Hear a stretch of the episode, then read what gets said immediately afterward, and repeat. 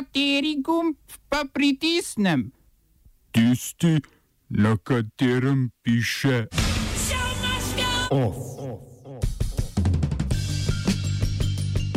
Sudanska vojska z opozicijo sklenila dogovor o triletnem prehodnem obdobju. Ameriško zunanje ministrstvo odpoklicalo večino osebja z ambasade v Iraku. Theresa May naj bi do prvega tedna junija predstavila nov predlog zakona o brexitu.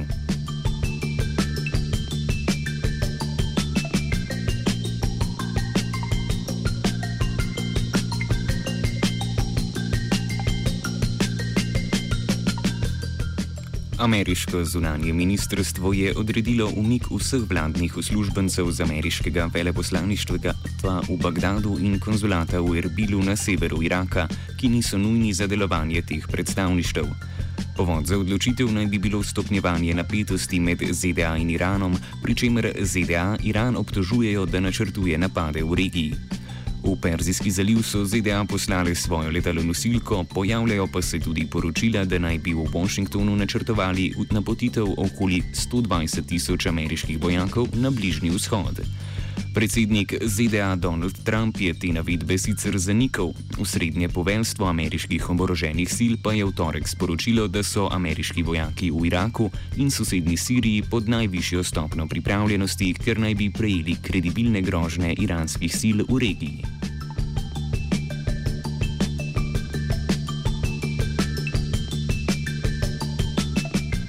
Prejšnji teden je sicer Bagdad nenapovedano obiskal ameriški državni sekretar Mike Pompeo. Namen njegovega obiska naj bi bil predvsem zavarovati ameriške interese v Iraku, ki se je v zadnjem obdobju s prošijsko vlado občutno zbližal s Teheranom. Pompeo je sicer v torek Sočiju na srečanju z ruskim zunanjim ministrom Sergejem Lavrovom in na to tudi ruskim predsednikom Vladimirjem Putinom zatrdil, da si ZDA ne želijo vojne z Iranom a je dal vedeti, da želijo ohraniti pritisk na njega.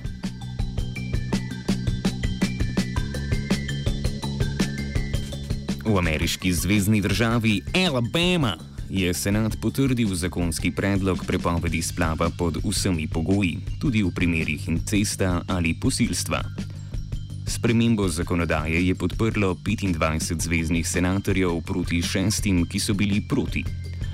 Po novi zakonodaji izvajalcem abortusa lahko prisudijo tudi doživljensko zaporno kazen.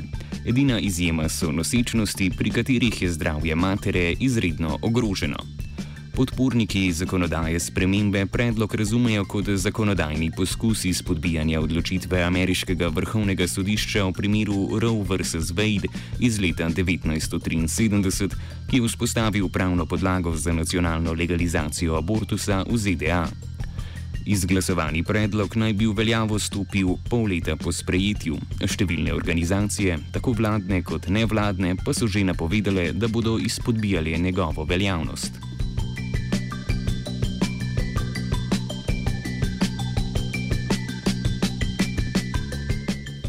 Sudanski vojaški vrh, ki je od odstavitve dolgoletnega predsednika Omarja al-Bashirja prejšnji mesec prevzel de facto vodenje države, je danes oznanil, da so s predstavniki opozicije in protestnikov dosegli dogovor o triletnem prehodnem obdobju predaje oblasti v civilne roke.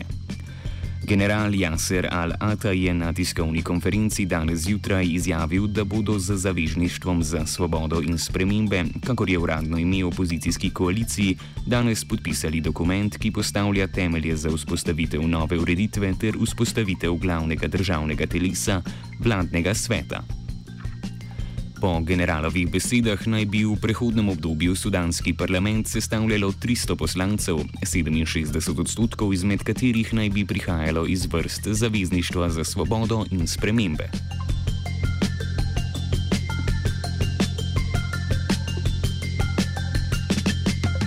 V Jekaterinburgu so lokalne oblasti prišle v spor z občani, ki nasprotujejo gradni pravoslavne cerkve v največjem in najbolj priljubljenem mestnem parku.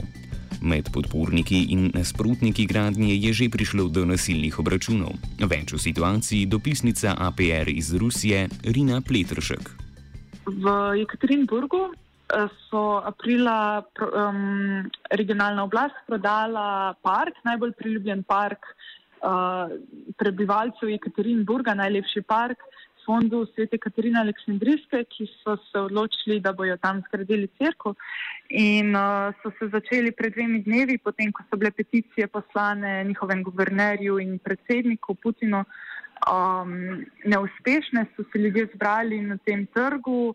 Um, umaknili v grade, ki so okoli uh, uh, tega parka, zaradi tega, ker se že počasi začenja gradnja, temeljni kamen je že postavljen.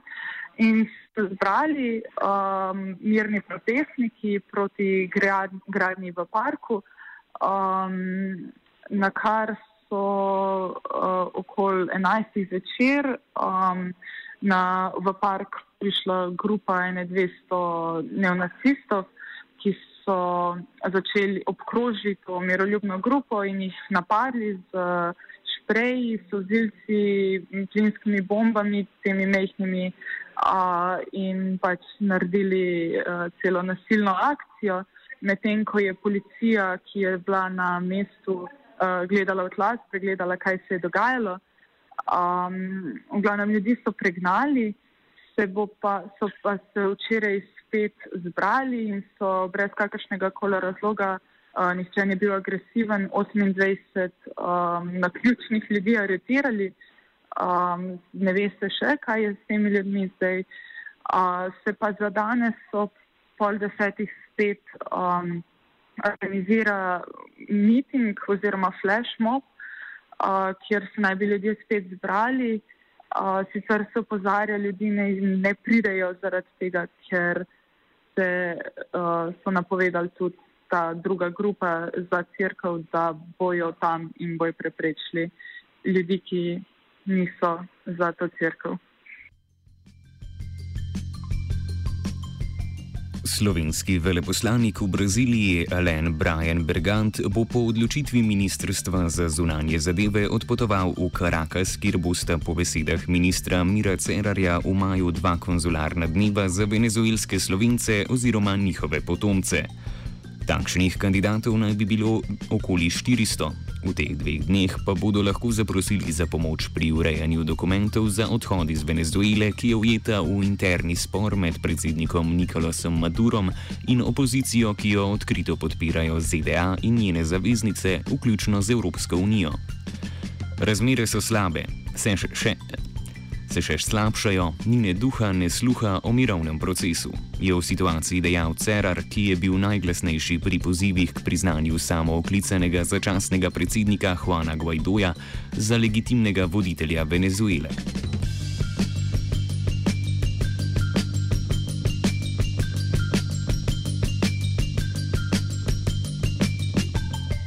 Željko Komšič, predsednik tričlanskega predsedstva Bosne in Hercegovine iz vrst hrvaškega naroda, je ovadil srpskega kolega Milorada Dudika, čež da naj bi ta kršil ustavo z napovedmi, da bodo srpski pripadniki vojske Bosne in Hercegovine na slovesnostih nosili označbe nekdanje vojske bosanskih Srbov. Bosna in Hercegovina ima od leta 2006 enotne oborožene sile, to potezo pa je Dudik označil za napako. S kakšnimi težavami se sooča slovenska vojska ob svojem prazniku, prisluhnite v offsajdu ob 17.